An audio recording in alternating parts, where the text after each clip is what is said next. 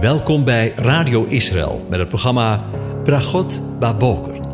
Een kort ochtendprogramma waarin een gedeelte uit de Bijbel wordt gelezen en besproken. Met Bragot Baboker wensen onze luisteraars zegeningen in de ochtend.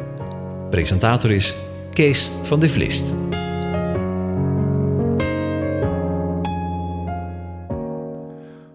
Hartelijk welkom, beste luisteraars. Vanmorgen gaan we nadenken over Psalm 8. Ik lees het aan je voor.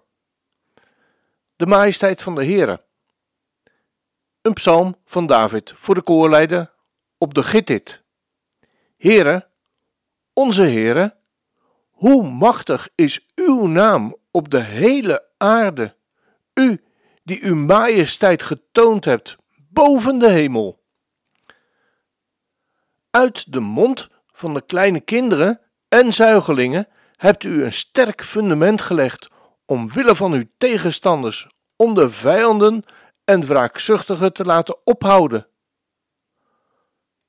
Als ik uw hemel aanzie, het werk van uw vingers, de maan en de sterren, die u hun plaats gegeven hebt, wat is dan de sterveling, dat u aan hem denkt, en de mensenzoon, dat u naar hem omziet?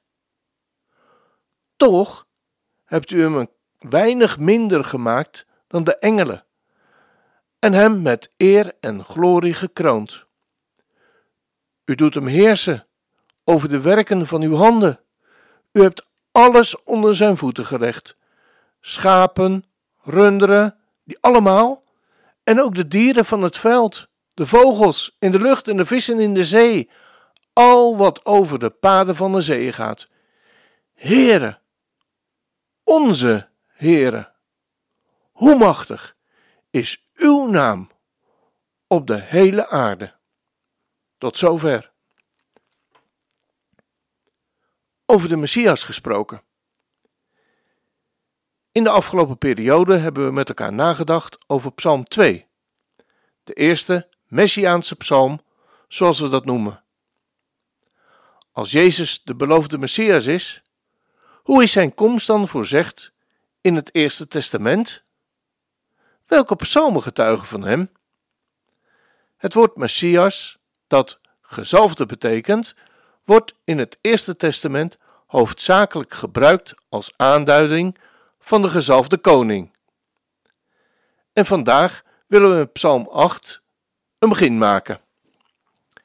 In het Eerste Testament wordt deze psalm in meerdere situaties aangehaald. Zo haalt Jezus aan dat God uit de mond van de kinderen en zuigelingen lof heeft bereid. We lezen daarvan in Matthäus 21, vers 16. En voor het verband van de tekst lezen we even vanaf vers 12. De situatie waarin we terechtkomen betreft de tempelreiniging. We gaan het lezen. En Jezus ging de tempel van God binnen en dreef alle die in de tempel verkochten en kochten naar buiten en keerde de tafels van de wisselaars om en de stoelen van hen die duiven verkochten. En Jezus zei tegen hen: Er is geschreven: Mijn huis zal een huis van gebed genoemd worden, maar u hebt er een rovershol van gemaakt. En dan kwamen blinden en kreupelen bij hem in de tempel en hij genas hen. En toen de overpriesters en de schriftgeleerden de wonderen zagen die hij deed, en de kinderen die in de tempel riepen: Hosanna, de zoon van David! namen zij hem dat zeer kwalijk en zeiden tegen hem: Hoort u wel wat de kinderen zeggen? En Jezus zei tegen hen: Ja, maar heb je nooit gelezen? Uit de mond van de jonge kinderen en van de zuigelingen hebt u voor uzelf lof tot stand gebracht. En hij verliet hen en ging vandaar de stad uit naar Betanië. En hij overnachtte daar. Tot zover. Hier zijn we dus aanwezig bij een flinke confrontatie van Jezus met de overpriesters en de schriftgeleerden. Wij zouden zeggen het, de geestelijke leiding van de kerk of de gemeente. Zij die ervoor doorgeleerd hadden. En juist zij nemen het de kinderen hun Hosanna-geroep kwalijk. Daarmee worden indirect de schriftgeleerden en de overpriesters beschreven als de vijanden die het zwijgen wordt opgelegd. Op deze manier wordt door Jezus Psalm 8 op een hele concrete manier toegepast. Maar ook in Hebreeën 2, vers 6 tot en met 9 wordt Psalm 8 geciteerd en daarbij toegepast op Christus. We lezen daar, want Hij heeft de komende wereld, waarover wij spreken, niet onderworpen aan de engelen, maar iemand heeft ergens getuigd, de volgende woorden uit Psalm 8, vers 5, wat is de mens dat u aan hem denkt, of de mensenzoon dat u naar hem omziet? U hebt hem met eer voor een korte tijd minder gemaakt dan de engelen. Met heerlijkheid en eer hebt u hem gekroond. U hebt hem gesteld over de werken van uw handen.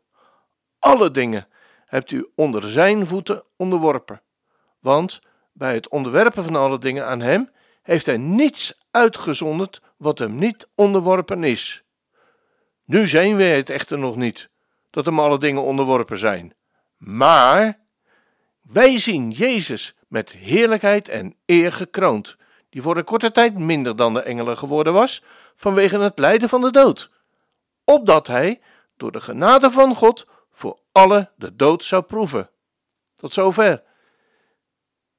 Zie je wel dat Paulus er geen enkele moeite mee heeft om de woorden van David in Psalm 8 zo over te brengen op de Heer Jezus?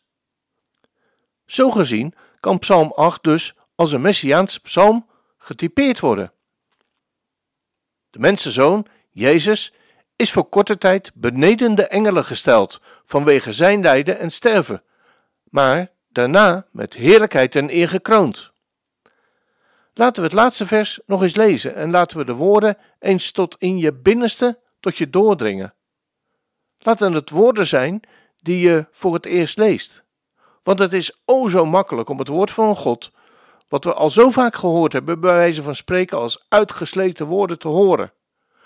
Maar laten we ze eens een keer als nieuw voor je zijn. Die voor een korte tijd minder dan de engelen geworden was, vanwege het lijden van de dood, opdat hij door de genade van God voor allen de dood zou proeven.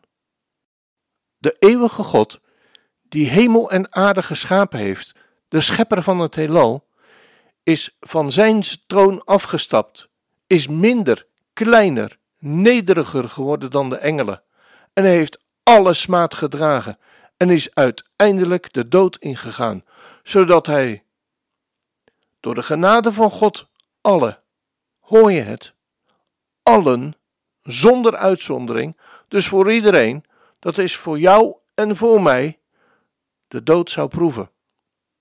Hij is voor alle mensen, zonder ook maar één uitzondering, deze verschrikkelijke dood ingegaan, opdat wij, jij en ik, door Zijn genade het leven zouden ontvangen. Een betere ruil is er niet mogelijk. Vanuit de dood die jij en ik hadden verdiend, zonder dat je ook maar iets, of zoals de ouden vroeger zeiden, zonder dat er ook maar een nagelschrap van jou of bij mij noodzakelijk is, het leven met een hoofdletter, het eeuwige leven zullen ontvangen. Niet straks, maar nu. Als dat geen genade is, als dat geen zegen is, de volgende keer hopen we hier weer verder bij stil te staan. We gaan luisteren naar een lied uit Opwekking. Zegen aanbidding, kracht overwinning Ere zij de eeuwige God. Laat elke natie, elke creatie buigen voor de eeuwige God. Elke tong in de hemel, op aard, zal uw macht beleiden. Elke knie buigt voor uw troon, aanbiddend. U wordt hoog verheven, o God, en oneindig is uw heerschappij, o eeuwige God.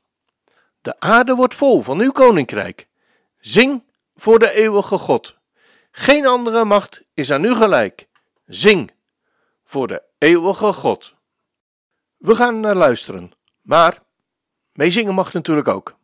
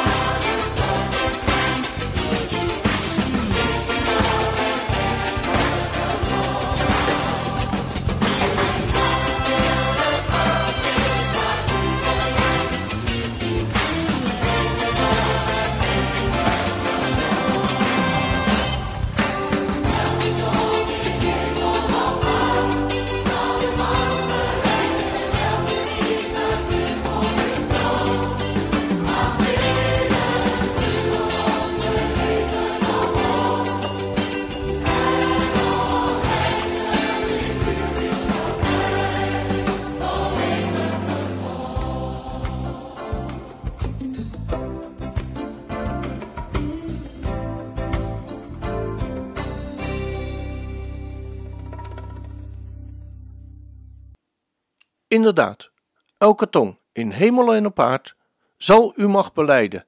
Elke knie buigt voor uw troon, aanbiddend. U wordt hoog verheven, o God. Ik wens je een van God gezegende dag toe.